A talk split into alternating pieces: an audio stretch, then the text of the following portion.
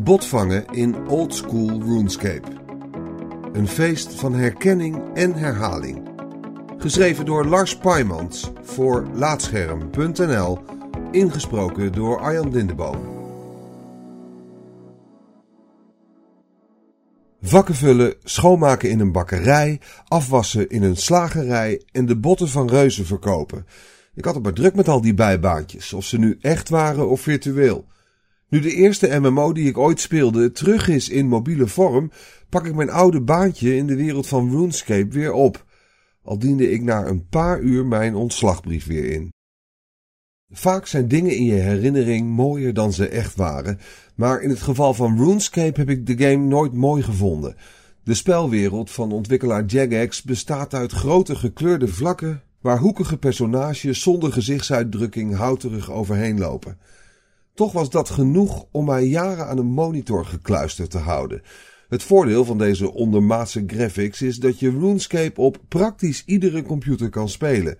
RuneScape draait volledig in je browser, zodat je ook op andere computers in een handomdraai verder kunt spelen.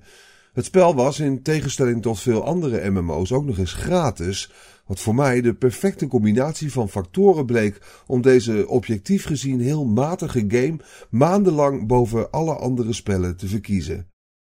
Begin vorige maand kwam ik voor het eerst in jaren weer in aanraking met RuneScape door de komst van Old School RuneScape, een mobiele versie van de game voor iOS en Android.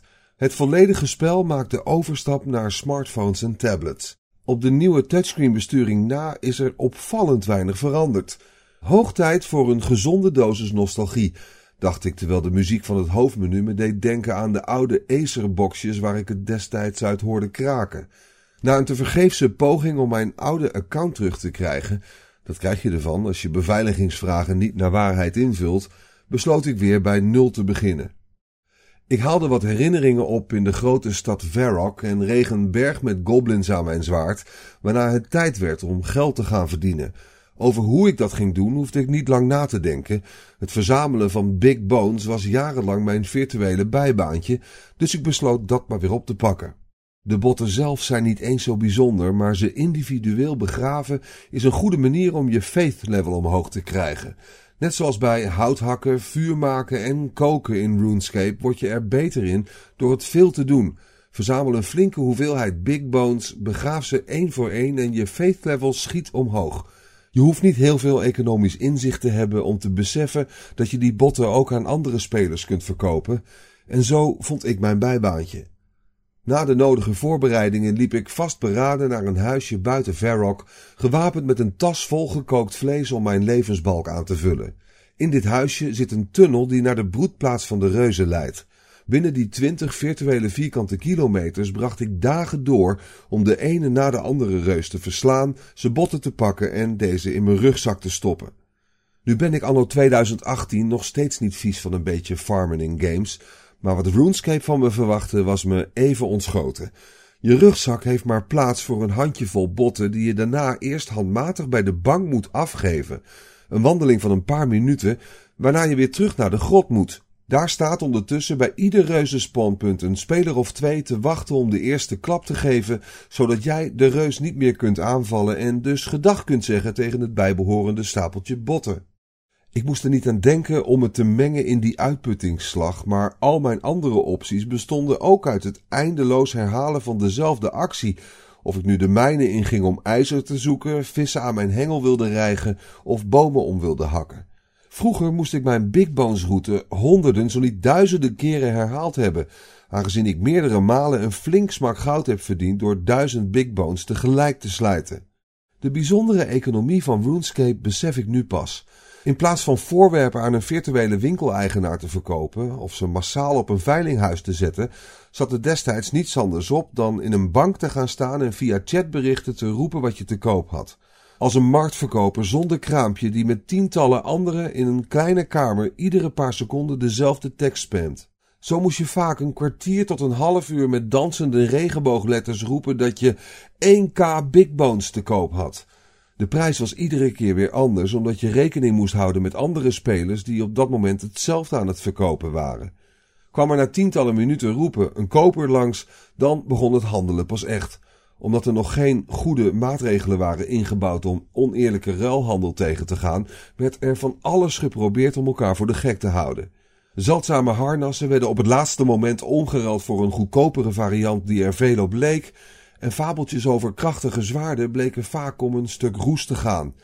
Ergens is het jammer dat dit soort praktijken nu niet meer mogelijk zijn door de updates die de game door de jaren heen gekregen heeft. Het was een spel op zich om de betrouwbaarheid van een andere speler in te schatten op basis van zijn pixelige avatar. En voor een lage prijs een zeldzame helm binnenhalen voelde echt als een prestatie. Geld was bovendien veel meer dan een stapeltje gouden muntjes, omdat je er soms weken voor moest werken om genoeg bij elkaar te sprokkelen. Zelden heb ik waarde van geld zo gewaardeerd als in RuneScape. Ik was er tot op heden altijd van overtuigd dat ik de games die ik nu speel vroeger ook leuk zou hebben gevonden en andersom. Na een paar uur terug te zijn geweest in RuneScape zet ik er mijn vraagtekens bij. Bij een repetitieve game als Destiny haak ik af zodra ik alles één keer gezien heb maar vergeleken met dit is Destiny een onuitputtelijke bron aan creativiteit.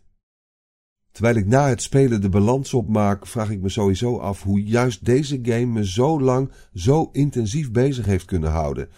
Dan herinner ik hoe mijn aandacht zelden volledig uitging naar RuneScape. Het was meer iets om te doen terwijl ik MSN-gesprekken voerde, muziek luisterde of met huiswerk bezig was. Wat dat betreft verschilt RuneScape qua functie niet eens zo gek veel met de meeste games die ik nu op mijn iPhone heb staan.